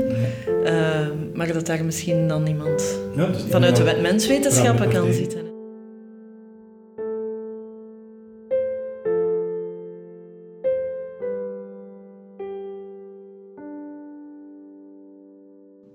Ik had ook graag gehad dat iemand anders eens, hè, bijvoorbeeld een rechter of ja, iemand van gezinsbegeleiding of zo, mijn ouders eens goed de waarheid zou verteld hebben over wat zij hun kinderen eigenlijk aandoen. Want ik denk dat zij dat misschien wel voelden dat dat niet klopte en wel zo half door hadden dat dat niet helemaal kosher was wat dat ze deden. Maar eigenlijk hebben zij daar ook nooit psycho-educatie over gehad. Hè. Niemand heeft hen ooit echt recht in het gezicht gezegd dat ze eh, hun kinderen aan het beschadigen waren. En Dat zou ik denk ik wel fijn gevonden hebben moest een rechter het op die manier eens voor ons, de kinderen, hebben opgenomen. Eigenlijk worden wij toch wel in de steek gelaten. En echt in de steek, wij, allee, de, mensen. Hè. Ja. We worden in, een groot conflict. Hè, dat wij niet weten, bijvoorbeeld hij heeft geen bed, het is een zatlap. Het is een, hè, dat wordt Mm. vaak gezegd, is dat waar of niet waar, dat weten we niet. Je kunt met een sociale enquête komen. Mhm. Dat duurt negen maanden minstens voordat wij de resultaten hebben. In sommige gevallen eh, is, wordt dat geloofwaardig gemaakt dat er mogelijk een gevaar is Mhm. voor een kind of een, een meisje van 14 wil haar vader niet meer zien, dan is dat best dat dat begint onder begeleiding, hè, met neutrale bezoekruimte. Dat duurt negen, ma negen maanden voordat dat begint. En wij krijgen ook, wij hebben geen contact met die neutrale bezoekruimte. Mhm. Want Soms lezen wij achteraf wat die zaak niet voorkomt, we hebben daar niet begonnen, want de moeder werkte niet mee. En ze geven dan eigenlijk ook geen verslag, want Nee. gewoon, ze zijn allemaal niet Wij krijgen wel een verslag. Hè, eh, maar Maar dat daar- stond dan in. We, we zijn niet aan begonnen, want de moeder zag Ah, er ja, niet zo zitten. dan. Ja, maar ja. Dat is niet, we hebben wel een vonnis gemaakt dat die in een neutrale bezoekruimte die gesprekken moet opstarten, dat is de vader en dochter. En dat zal niet op een kwartier gedaan zijn. Hè. Ja, maar daar volgt de, de, de, het wetgeving kader toch niet? Want allee, als Maar psycholoog wel- bijvoorbeeld, want Nee, ik krijg de- de- veel de verwijzingen. organisatie volgt niet. Ja, we maar- hebben alles wat we nodig hebben. We hebben een CAW. Maar, die werken niet effectief, die werken niet efficiënt. Dat is eigenlijk de reden. Ja, maar die vallen toch ook onder, die vallen onder welzijn en hulpverlening, dus die hebben toch andere voorschriften? Ja, maar die, maar hebben die een ander voorschrift aan het, aan het geluk van de mensen uit te streven en het welzijn. Nee, nee, maar die dingen op papier zetten en terug in verslaggeving gieten aan de rechter is soms toch, ik ga het zeggen, en ik weet dat de meeste juristen dat niet graag horen, maar strookt toch niet altijd met je beroepsgeheim. Wij hebben ook een beroepsgeheim, hè. Ja, maar wat dat voor zin heeft het dat wij hulp vragen aan, aan, aan, aan een psycholoog-expert en we, we horen niks terug? Ja, nu ik denk dat daar net het verschil zit tussen eh, psychologen, deskundigen, experten en de psychologen die een begeleidingsopdracht hebben. Allee, ik denk dat we daar botsen op Ik een van de grootste lacunes. dat daar gezegd wordt, maar ik moet wel een besluit krijgen. Ja, ja, dat begrijp ik. bijvoorbeeld CLB ook, hè. soms Ja. van kinderen, ik ben al bij vijf keer bij het CLB geweest. Die, die antwoorden zelfs niet. Hè. Ja. Die had een meisje op het CLB gaat zeggen dat ze een abortus wil of zoiets, heb ik geen zaken mee. Hè. Maar dat dat over de problemen zijn met haar ouders, en die hebben die kind al vijf keer gehoord, is dat wel nuttig dat je ook weet wat daar is. En is dat een van de dingen dat u zegt, dat is een van de grootste lancunes? Dat die samenwerking met hulpverlening en de eigenlijk dat ze niet voldoende, dat ze niet efficiënt en effectief werken. Ja. Dat is het grootste. En van de verslaggeving, als dat allemaal lukt, hè, dat er terug contacten komen tussen vader en dochter, moet ik het allemaal niet weten. Ja. Maar als ik voort moet, omdat dat niet lukt, moet ik wel weten waarom niet. Ja. Samenvattend, Ja. wat er allemaal gezegd is ondertussen, Maar dat is ook voor advocaten ook zo. Zo, Wij weten ook niet goed wat dat daar gebeurt. hè. Ik vind soms ook kunnen iemand dan verdedigen dan onder, als je wij geen doen dat niet meer in justitie. Als we dat kunnen vermijden, hè, doen we dat niet meer. Amai, ik voel dat ik zo wat geneigd ben om mijn beroepsgroep te verdedigen. te verdedigen, omdat ik denk van... Ja, ik denk dat, dat wij het binnen hulpverlening vaak toch ook wel meer op het relationele... Allee, ik wil dan zeggen, contact herstellen, op het relationele gaan bekijken en mensen in traject nemen en met, mensen in vertrouwen werken. En als daar dan aan het einde van de rit altijd een verslag volgt of je gaat terugkoppelen aan een advocaat... Snap ik, ja. Ik merk toch ook in de praktijk dat het feit dat we dat niet doen net maakt dat mensen veel meer authentiek soms? Je Of... moet toch niet elk, elk woord kennen dat, dat ze tegen u zeggen? Ja. Nee, maar Ja, misschien ben- zijn de mensen wel, die staan anders hè, in dat traject. Ik Als ben je akkoord. weet, komt daar al dan niet Als u, als u zegt, voilà, de partijen, ik heb ze niet van hun standpunt afgekregen en er is geen oplossing, dan weet ik het ook. Hè. Ja. ja. Je moet niet weten wat die allemaal gezegd hebben, wat ze allemaal gezegd hebben. Het Ja, gaat ik ook vind over dat de wachttermijn. complex om hè. daar inderdaad in Het te zoeken. Dat van is een dat- stukje, maar het is ook de wachttermijn. Hè, want inderdaad, hij Volgens vraagt mij, dan- hè, neem me niet kwalijk, wordt er veel niet gezegd dat er niks gebeurd is. Hè. Dat is natuurlijk Dat de beste manier om u te ja. verbergen achter een beroepsgeheim, omdat je niet goed hebt gewerkt ook. Hè. Wat ik doe, dat weet iedereen. Hè. Dat kan Ja. iedereen tellen en zien. Hè. Ja. Maar je kunt genoeg, ik zeg niks. En de justitie, allee, ja, neem me niet kwalijk, ik, eh, voel me onzicht in de kuil staan. Vooral door het gebrek aan hulp. Ja. Mm, ik het dat dat helpen, heb ik gewoon geen enkel. Ja. Wil ik het zelfs niet weten, je zaak komt niet terug, dan komt ze niet terug. Ik heb zelf eh, lang geleden op het justitiehuis gewerkt in Brussel. Ehm, als ik toen zag de hoeveelheid sociaal onderzoeken dat wij doorkregen en de aantal mensen dat wij binnen het justitiehuis kregen om die onderzoeken te doen, ja, dat was ook wel een kwestie van middelen en tijd en de prioriteit dat daarvoor gegeven wordt. Want allee, ik zeg niet dat elke hulpverlener een goede en efficiënte hulpverlener is. Net zoals dat elke advocaat en elke rechter misschien niet. Allee, daar zullen zeker verschillen tussen zijn. Maar ik denk wel zo de deskundige onderzoeken, de bezoekruimtes, de, de justitiehuizen, de therapeuten. Ik ben nu zelf therapeut. Als wij zien hoe dat wij overbevraagd zijn op dit moment. Ja, denk de wachttijden, daar kunnen de, En was de dat hulpverleners Toen ik zelf begon ook waren niet. 16 sociale assistenten in Antwerpen voor de jeugdbank, voor de geïnterneerden, voor de opvolging, de postpenitentiaire opvolging. Is dat nu allemaal beter Zijn er dan meer scheidingen nu? Zijn Of er, zijn is, er er minder, vraag, is er minder recidive? Dat is de vraag. Of, Zijn die mensen, de geïnterneerden, beter ge- geholpen dan vroeger? Ik weet het niet, ik heb daar geen antwoord op, maar ik stel gewoon vast dat ik die wachtlijsten inderdaad toenemen. En, en ja, ik denk dat elk CAW en elk Centrum Geestelijke Gezondheid zo graag meer middelen zou is- krijgen ja. om die wachtlijsten te kunnen wegwerken. Maar ik denk dat ook dat Ik idee denk is niet dat per se we... niet van middelen, ik denk kwestie van, van werkmethode. Als, ik een, als, als een mama zegt, "Hey, ze kan niet blijven slapen, want er is geen bed zelfs. Ja, Dan moet je negen maanden duren met mij dat te zeggen, is er een bed ja of niet. Hè? Maar is dat niet eerder een politie-enquête? Die willen niet meer die doen, want die krijgen al die zaken van ons. Ja, Omdat ja. het justitie en huis niet werkt, die krijgen bij ons 36 zaken en er zijn maar vier. Amai, maar zo Ja, boeiend, hè? Om dat dan van een andere kant te horen. Ja, dat is ja. echt een, Ja. een frustratie. Maar dat is eigenlijk, ik zie dat wel positief, dat is gewoon een hulpvraag van kom, wij hebben u ook, dat deel hebben wij ook nodig. Het justitiële hoe is dat opgelost? die wereld Kom nodig. naast mij zitten als eh, justitieassistenten belast met die civiele opdrachten. Dan, kun je wel, dan hoor je ook wat eigenlijk de kwestie is. Hè? Maar dat is toch mooi als we dat vanuit het beleid zouden kunnen doen, dat die justitieassistenten of die deskundigen dat mogen doen. Want nu, Nou, nu wordt die het zo... mogen dat van mij, ik, heb, ik heb dat dus op die manier kijkstages gedaan. Ja. En eigenlijk in één geval eh, waren de twee sociale onderzoeken eigenlijk al opgelost door de zitting. Ah, ja, maar dat denk ik ook. Ik denk dat Ja. dat efficiënter zou wer- werken. Hè. Ja? Dat is misschien een van de, de Ja, leuke ja. dingen die we kunnen meenemen om zo wat dingen, Mhm. pilootprojecten uit te werken. Maar We moeten toch het gaat toch over mensen? uiteraard, uiteraard. Als wij wat vroeger doen, Ja. hè, wat verdien jij, wat verdien jij? Hè, dat, denkt je een kind altijd aan de moeder en de vader om 14 dagen. Allee, zo, zo is het niet meer. Hè. Wel, wel rekening met de mensen Het is en, een met- van de- en, de, en de belangen van de kinderen. En ik denk dat dat het juist ook zo wat complexer maakt, dat enkel een jurist alleen dit geheel niet kan oplossen. Nee, daar ben En dan kunnen we wel een stukje oplossen en gedeeltelijk akkoord, maar ik denk dat je gewoon, ja... Nee, maar ik denk wel dat we moeten voorzichtig zijn dat we van de, de hulpverleners en de therapeuten geen halve rechters gaan maken, bij wijze van spreken. Ja, maar- Onze taak CAW, is de niet te verlenging gaan... van de rechtbank, hè, dat is eigenlijk een manier om de uitoefening van taal gezag in het omgangsrecht te, doen. Ja. Dat is geen hulpverlening. Hè. Die die helpen wel de mensen, zoals wij de mensen willen helpen, contact herstellen. Kind, Ja. hè. Is geen psycholoog die de mensen moet behandelen met zijn problemen. Maar ik denk dat er een aantal mensen van de CAW het daar niet mee eens zijn. dat dat geen. En hulpverlener dan weten we is. natuurlijk wat ze, dan weten we wat ze doen. Hè. Ja, ja. Dan krijgen we na negen maanden, maar even zijn niet begonnen. Ja. Ja. Want de moeder zegt het niet zitten, wat aan de moeder gezegd moet hij niet weten dan. Ja. Hebben wij het huis, maar die krijgen geen subsidie, die stoppen met hun werking. Het is een drama. Ja, ik heb dat gehoord. Ook in ze Brussel is dat stoppen, ja, ze stoppen. Ja, ja, ja. De, de rechters zitten met een handen in hun Nee, naak. de mensen. Ja, maar ja. De Het, het is niet De van rechters zijn ook Ja. voor de mensen, hè, dus Ja. dat bedoel ik. En een Ja, justitieassistent ja. gelast met een sociaal onderzoek heeft geen beroepsgeheim. Nee, nee, nee, dat klopt. ja, je moet dat niet in de krant schrijven, dat, dat wel, maar tegenover mij niet. Nee, nee maar dat is... Enfin, ik- nog eens, hè, ik, ik, eh, dat is iets anders. Ik vind, een justitieassistent heeft inderdaad als opdracht informatie gaan verzamelen Nee, en een dat advies te geven aan u. Dat is duidelijk.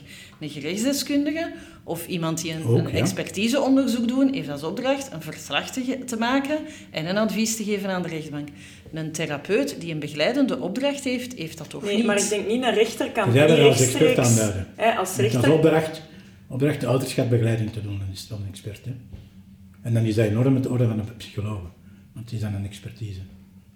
Maar Maar die mevrouw wil dat niet meer doen, want er is een mevrouw die dat deed, dat is enorm succes, over bevraagd natuurlijk. Aan mij is dat ook Niet wel dan gestopt voor de ik agressiviteit. dat ook elke keer. Maar een rechter kan Ja. niet rechtstreeks een psycholoog aanstellen voor mama of papa. Hè. Dat kan niet. Hè. Dat Nee. kan Tenzij de we het onderzoeken, hè. Ja, dat is het deskundige maar niet voor te begeleiden. Maar Dus niet als voor, u je moet ziet, therapie volgen. als u ziet in een, in, een, in, een, in een zitting, ik zie hier dat er een papa is die ja, in zijn manier van reageren toch wel wat agressieproblemen.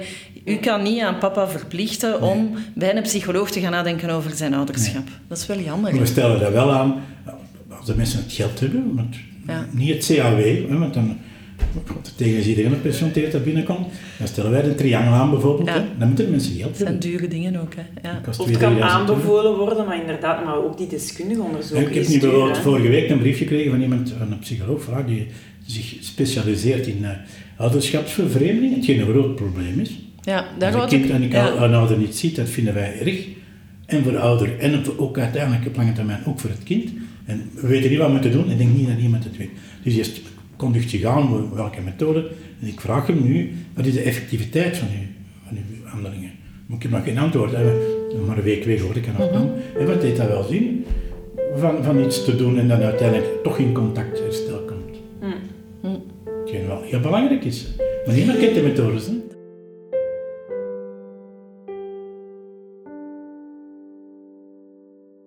Ken zeker de term ouderverstoting.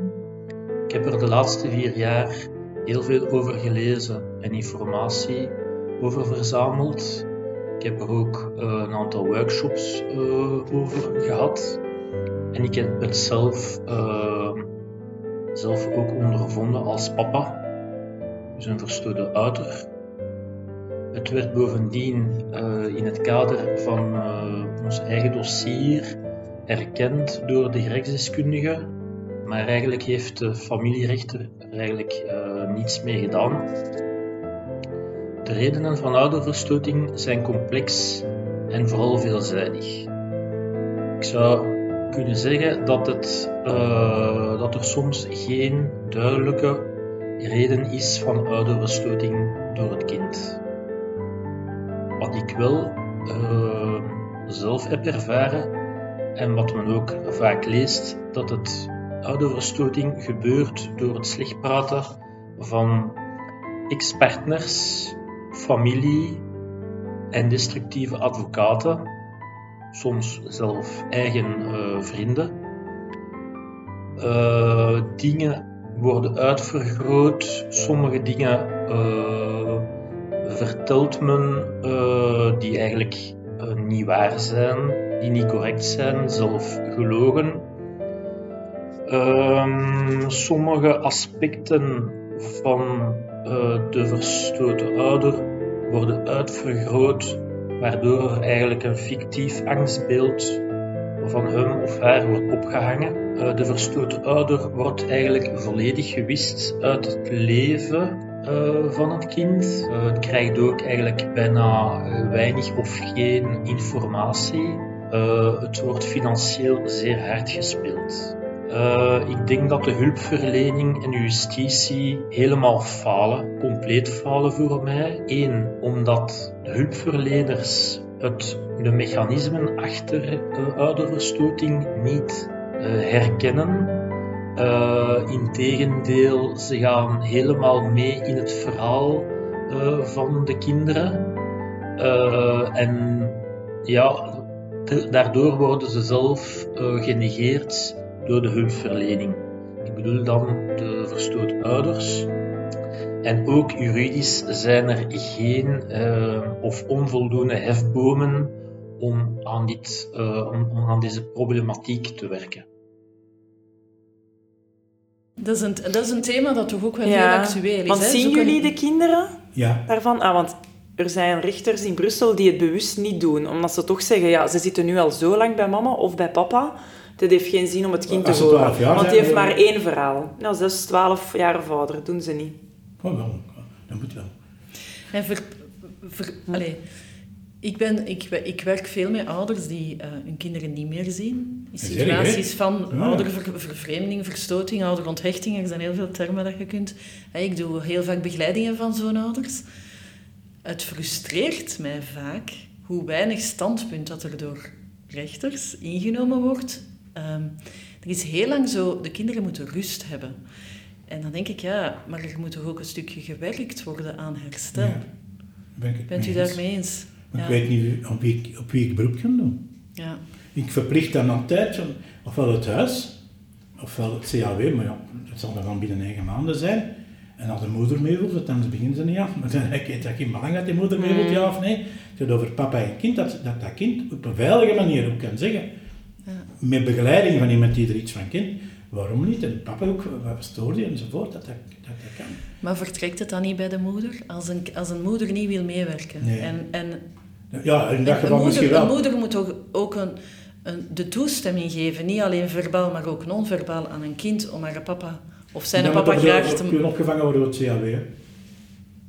Ik weet dat niet of dat, zo eenvoudig is. Ja. Ik had vanmorgen een zaak, eh, de eerste zaak was juist dat een een meisje niet meer naar haar papa wil gaan, met een onderzoek van Triangel, dus een, een heel uitgebreid onderzoek. Eh met ook een goed be- besluit, want ja, de, de papa is zo gekwetst dat hij totaal geen empathie niet meer heeft voor je dochter en zichzelf als slachtoffer ziet. Ja. En ook zijn vriendin, die blijkbaar de oorzaak is van, de, Ja. van, van de- Mm. niet meer zien. Hè. Dus dan, maar een oplossing is daar niet. Hè. Mm. Eerst moet dat kind er klaar voor zijn, zeg dan tegen je collega's aan. Hè.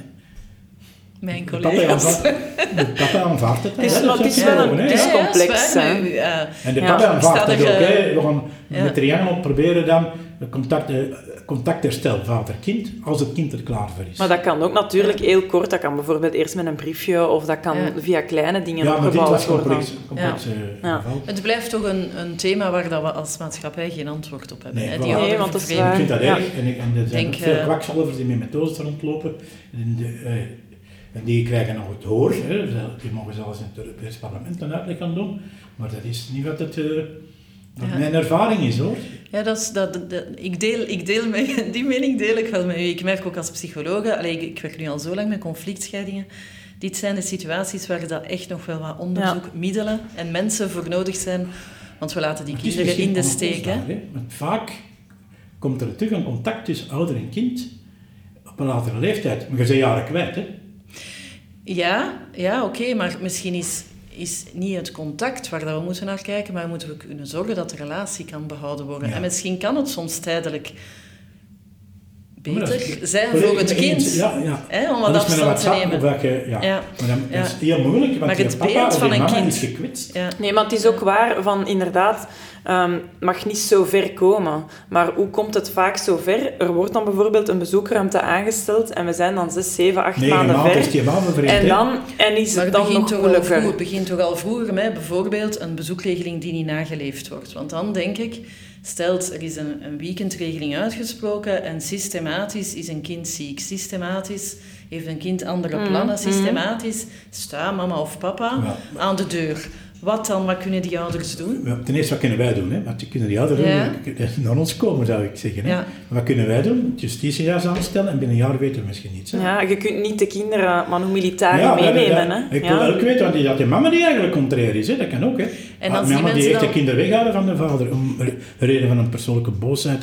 Om gelijk, omdat hem niet betaalt, om gelijk welke reden. Dat kan ook, maar dan wil ik dat wel weten. Dan kan ik een gepaste maatregel In. Engeland hebben En ze ooit toch zo'n project gedaan. Hè? In Engeland hebben ze zo'n keer omgekeerd Dat kan gedaan. zelfs kunnen zijn, dat hangt allemaal van de zaak af, hè, dat dat kind bij de vader gaat. Hè. Ah, wel, maar dat bedoel in Engeland hebben ze zo'n precedent geschept en dat is zo gedaan blijkbaar Maar dat is- om het... We moeten het niet altijd doen. Hè, Maar de- Nee, nee, maar ze sommige hebben zaken blijkbaar dat zo de mama omgekeerd. is die, Ja. die kind opstoot. Hoe oordeelde zo? Eh, is psycholoog, ja. hè? Bij een verslag van de psycholoog, hè, maar niet binnen een jaar. Hè. Hmm. Dan is er al zoveel gebeurd. Hè? Ja.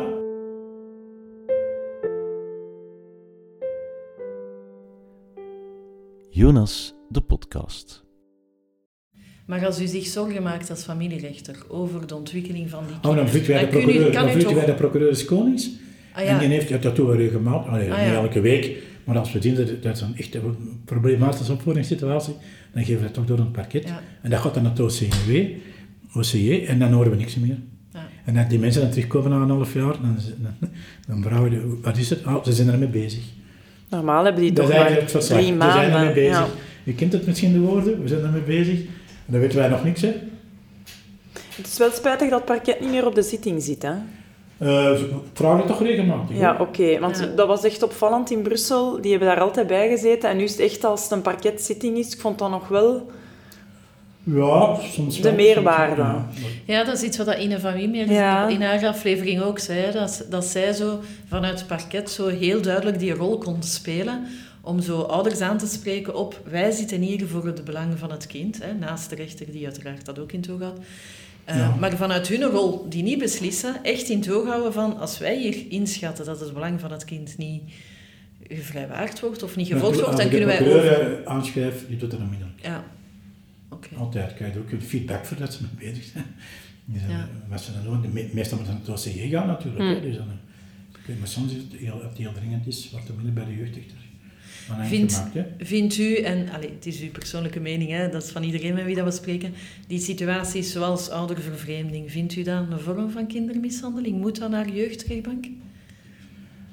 Nu, niet altijd. Niet altijd. Hè. Het zou sommige zaken wel kunnen, maar dan is de vraag, wat kan de jeugdrechter doen? Hè? Mhm. Kan je een kind opzetten? Dat doen ze soms. Hè? Dat hebben ze Mhm. gedaan, tenminste. Hè? Een, dus het is wel, kan een vorm van kindermishandeling zijn. Om het kind dan uit de gehele context weg te halen, eigenlijk. Dus echtscheiding, dat is een kindervorm van kindermishandeling. Een hoogconflictscheiding wordt soms gezien als Ja. een vorm Ja, van we hebben serieuze. Dat is een vraag die we gesteld gehad. hebben. Hè? Ja. Dus Ja. Die in die lijn toch lagen, hè? Van... Ik denk, eh ja, Toch als het voortduurt. conflict tussen je Ja. ouders opgroeien, dat dat een vorm is van verwaarlozing. en de week daarna zeggen dat ze, dat is plusmama nu. Is dat een vorm van kindermishandeling?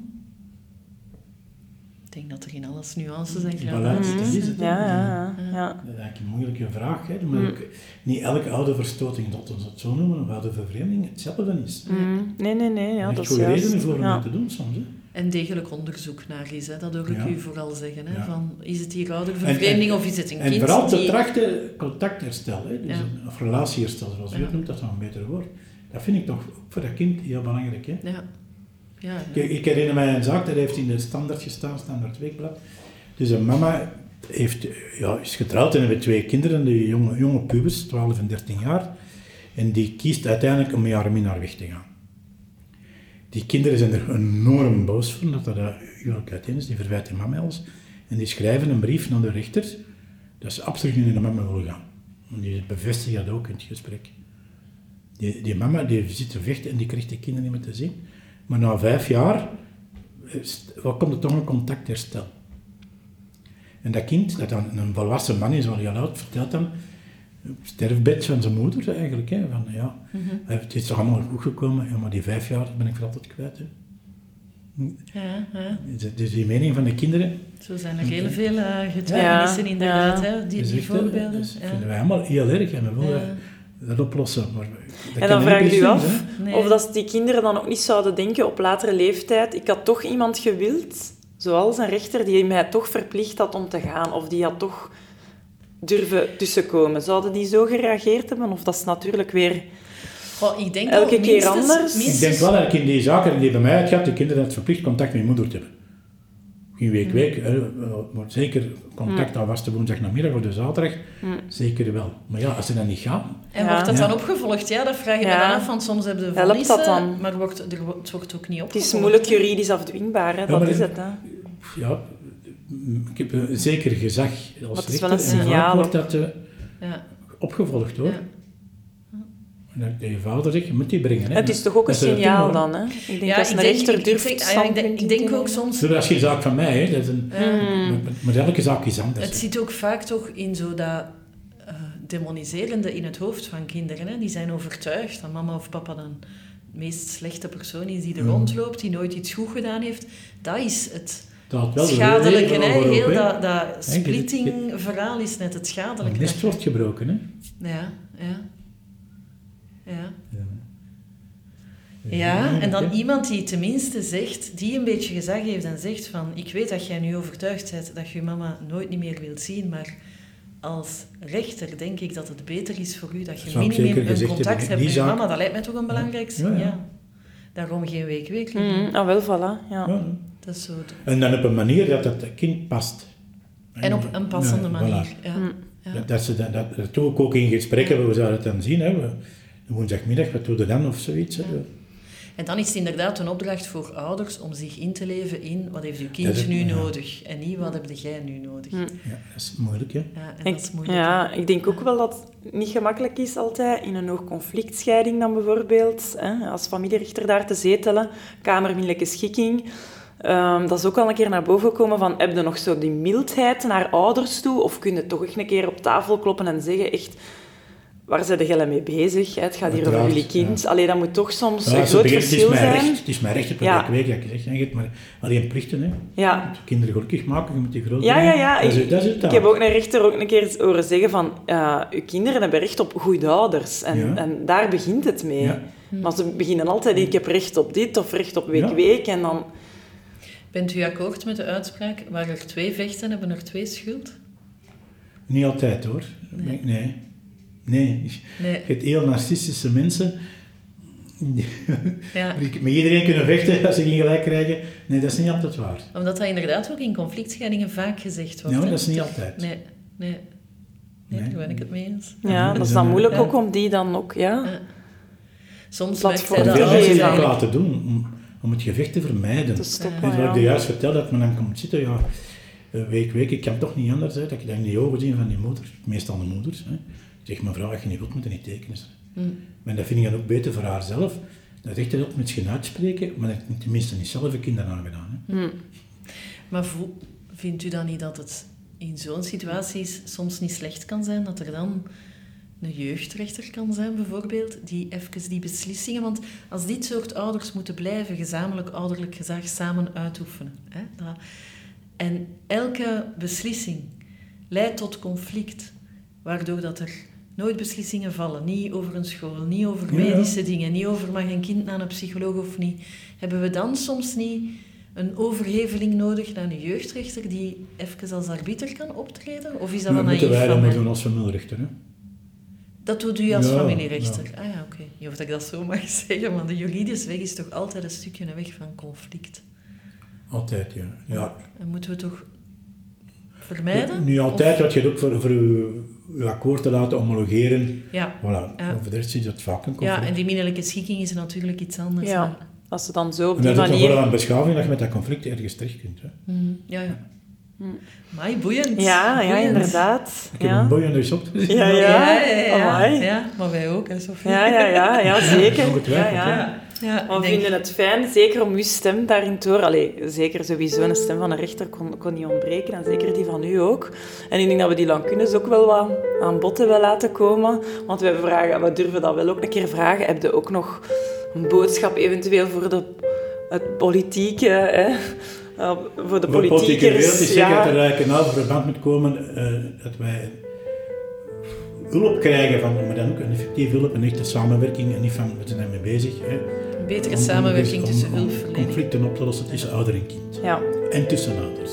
Hè, dat, dat is zeker nodig. Mhm. Dus dat de familierechtbank uitgebreid wordt met mensen die, die het psychologisch vlak of pedagogisch vlak er iets van kennen. Moet geen twee man zijn, dat kan ook ad hoc zijn. hè, dat we dat vragen, want je moet er niet bij alles een sociale Mhm. Nee, nee, nee, verdeling nee, nee. hebben we niet meer nodig. Maar in sommige conflicten bij de inleidings van die kamers we dat zeker, is dat zeker belangrijk. Mhm. En die zijn er. Er mag voor mij een justitieassistenten zijn, hè, die ook al ervaring hebben met die zaken. Toch? Ja, ja. Dat mag zeker. Ten tweede, justitiehuis, eh, de mensen die daar met de civiele zaken bezig zijn, brengen die onder bij welzijn. Dat dat gedaan is, dat, dat de collega maatschappelijk werken of psycholoog van welzijn niet weet wat de justitiehuis doet. En ik zou het zeggen, want die beroepsgeheim dan ook is tussen één. Hè, dus dan eh, brengt dat samen. Dus spreekt dat af van het justitiehuis en ga naar welzijn, dat we daar onze sociale enquêtes kunnen krijgen. Die ook een onmiddellijke toegang hebben tot het parket, tot het dossier, dat nodig is enzovoort. Moest ik een vorderingsrecht gehad hebben, ik zou dat zeker rond mijn zestiende ingeroepen hebben. Want toen, eh, na 15 jaar dus, eh, was ik het echt eh, zo beu als koude pap. En eh, ja, ik denk dat ik wel zelf een procedure voor de rechtbank gestart zou hebben. Al was het alleen maar uit, eh, eh, uit, uit, uit woede toen. Ja, zou het zeker gedaan hebben. Wat er eigenlijk ook nog zou kunnen zijn, een of andere manier, dat kinderen van een bepaalde leeftijd rechtstreeks bij de familierechter terecht kunnen. Ja, maar daar Maar niet is nu- iedereen, niet iedereen, want daar ben ik ook tegen, hè, want men zal ingezet worden door een van de ouders. Mm. Bijvoorbeeld iemand die echt ongelukkig is, dat die een brief en dan wordt de kamermannetjes gekeken. Ja. Maar waar de rechter dan het kind hoort en dan de ouders uitnodigen op de kamermannetjes. Maar dat lag toch voor in het parlement, dat Ja, maar dat is, dat is weggeketst op verzoek van de familierechter onder meer. Ja. Ik ben alle professoren Mhm. familierecht. Ik heb zelf ook in het parlement gehoord geweest erover. Dus. Ja. Maar dat, dat neemt niet weg dat er schijnende gevallen zijn. Ja. Je kunt niet systematisch zeggen, jongeren, kom maar naar de familierechter. Nee, in sommige gevallen kan dat, kan, kan, moet een jongere kunnen vragen, willen mij horen in een zaak die al hangt. Mhm. En dat dan de rechter de ouders mag oproepen in de kamermannetjes. Ja, inderdaad. Dat is al, dat is eigenlijk genoeg. En dat is nu nog niet Nee, dat kan niet. Maar dat er wel, wat ik wel al een keer heb zien... ge- de- ja. brief- sorry dat ik onderbreek. Nee, nee. Als we dan een brief krijgen van iemand, help, hè, wat is het? Hè? Mhm. Dan sturen we naar de advocaten, Ja. in de hoop dat die dan een initiatief nemen. Nou.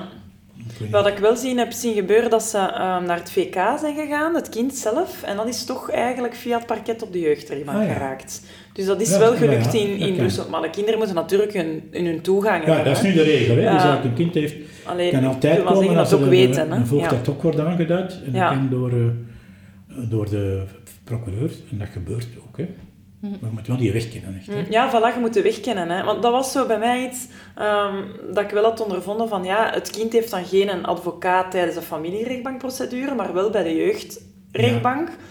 Soms, hè, je zegt het zelf, die brug, wanneer dat je die slaat, dat is niet altijd duidelijk, zijn niet echt criteria, hè, wanneer dat, dat echt wordt gedaan.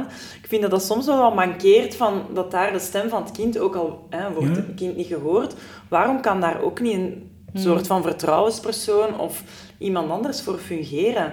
De lijn is soms toch wel vrij dun, hè, van het ene naar het andere gaan. Oké, we spreken over verontrustende situaties, maar als we al misschien opperen dat een echtscheiding überhaupt kindermishandeling zou zijn, waarom mag er daar niemand staan voor het Je kind? gezegd, je kunt de vraag maar stellen. Ik weet het Je wel, maar ik bedoel maar ik denk Nee. een ingrijpende situatie waarin Ja. dat het misschien al goed is dat er Ja. iemand is die de stem van het kind Ja. in Ja. die zittingen kan verwoorden. Dat zou een mooi initiatief zijn. Omdat er toch ook zware zaken, ook voor de familierechters komen, die niet tot de jeugdrechtbank Ja, gaan, die ook niet hoeven, maar daar kan of zou iemand En naast dan de denken wij dat wij de vertrouwenspersoon van het kind zijn. Dat begrijp ik wel, dat begrijp ik, maar Maar als rechter. het is, rechter. ik denk, Ja, dat is eigenlijk ons eerste streefdoel, het Ja. belang van de kinderen. Ja. Dat is waar, maar ik, toch zie ik wel van jeugdadvocaat kan alleen, daarom niet een jeugdadvocaat, maar een vorm van een vertrouwenspersoon. Alleen in Nederland hebben ze zo dat project die kindbehartiger, maar dat is ook nog eigenlijk allee, volop In aan de gang, ja, in een ontwikkeling, ja. Er Ja. is nog veel werk, dat Mhm. kan ik eh Ik precies denk dat we wel- wel stappen vooruit Ja, ja, hè. maar dat lijkt mij ook wel. Dat lijkt ook. En ook eh, vooral, ik vind dat wel een positief punt, zo de inzet van de familierechters, dat voel ik ook wel. Allee, of toch mensen die meer gespecialiseerd zijn Ja. en die er zo zich willen smijten. Ja, en enkel als zuiver goede jurist kun je niet veel doen op de familierechtbank. Want dan Je moet toch zo'n andere kun je al de mens, fondsen menselijke maken en aanpak hebben. heel goed gemotiveerd Ja. zijn ook. Maar Mm. Je mist dan het contact met de mensen, denk ik. En heb je dan nog zo'n boodschap voor de jongeren die zouden luisteren, die zo in, in een echtscheidingssituatie zitten, of, of ouders die het zelf moeilijk hebben in hun scheiding, of oh, ja... Ja, wat de jongeren betreft zouden eerst hebben we ons geprobeerd de mama en papa te laten luisteren, maar dat is allemaal gemakkelijk gezegd. Ja. Dat, dat ze kunnen eigenlijk. Hè, dus dat, en als ze bij de rechter worden uitgenodigd, dat ze geen angst moeten hebben dat zij Hmm. dan een belangrijke en gelijkwaardige persoon zijn als de rechter eigenlijk. Hè, dus dat ze Hmm. kunnen komen zeggen. Ja, maar vooral ja, echt een zin zeggen. Maar het beroert Nee, wel, hè, het ja. thema. Zeker. Je voelt ook zo. Ja. afhankelijk van welke bril dat je Ja, opzet, dat ja, je er ook absoluut, anders naar kijkt. ja. Ik vond het heel boeiend. Ja, echt wel. Dank je wel voor tijd. werk ook heel prachtig. Hè? Dus Ja. dat is Eerlijk, iets wat, hè, eh, Ja, wij zijn daaraan begonnen. Gewoon zo, we gaan wat experts uit, uit het werkveld vragen. En Wordt het beluisterd? eh, ja, wij zien toch dat... We hebben echt al toffe reacties gekregen, echt wel. Ah, ja. Echt zo van ouders dan... Allee, we hopen dan nog wel wat meer platform. Dat mag altijd, Ja. hè. Je mag dat eh, bij je collega's. maken, Ja. Ja, zeker. Eh we vinden dat wel belangrijk. Dat dat toch zo wat... Misschien een eerste stap om uh, justitie en hulpverlening een Nee, beetje te laten kunnen stellen wel stellen? Ja, ja, ja, ja, ja, zeker. Absoluut. We we hebben getracht dat dat zo'n spontane babbel Ja. was, dus ik hoop dat dat gelukt is voor u. En, eh, dat, Ja. eh, Ik vermoed dat er best wel wat reactie kan komen op een aantal standpunten. Eh, maar eh, ja, laat die dan maar komen, denk ik. Ja, Dan, eh, echt zeker. wel op en dan... eh, het is een thema dat ons allemaal raakt, hè. Ja. Het, is, Ja, hè, ja. het, is, Ja. het is een werk dat u niet kan Ja. uitlaten. Oké, bedankt. Dank u wel voor uw tijd. Ja. Hè, Ja, Dank u wel ook dat we de zitting even mochten volgen. Ja, ja, zeker ja, voor mij als hulpverlener Ja, ja, wel een dat is tof. Ja, het was een mooie zaak. Ja, ja, ja, dat het absoluut. Maar is Het is gedeeltelijk wel. Ja, ja, er zit misschien nog kans in. Dit was een aflevering van Jonas, de podcast. Hopelijk hebben jullie er ook iets aan gehad. Zijn er nog vragen of bedenkingen? Laat gerust iets weten. Wij hebben een Facebookpagina, Jonas. Jongeren en ouders ondersteunen na scheiding. En laat dus maar uw feedback achter. Ja, en is er een expert waarvan dat jij denkt dat we die ook zouden moeten uitnodigen of dat het interessant zou zijn om een gesprek mee te hebben? Geef ons dan zeker ook een seintje via onze Facebookpagina. Klopt. Uiteraard willen we ook nog wat mensen bedanken. In de eerste plaats zijn dat de jongeren en ouders die hun verhaal hebben gedaan en hun ervaringen hebben gedeeld met ons. Het is dankzij jullie eh, dat wij deze podcast konden maken. Daarnaast uiteraard ook de experts zelf. Die hebben de tijd genomen en die hebben ons echt wel nog wat meer inzichten gegeven. Ja, en als laatste natuurlijk de mensen die ons wat technisch geholpen hebben voor het maken van deze podcast. Dat zijn in eerste instantie TLD Compositions voor de muziek en Jelle Kools voor de verwerkingen van alle opnames achteraf. Alvast bedankt.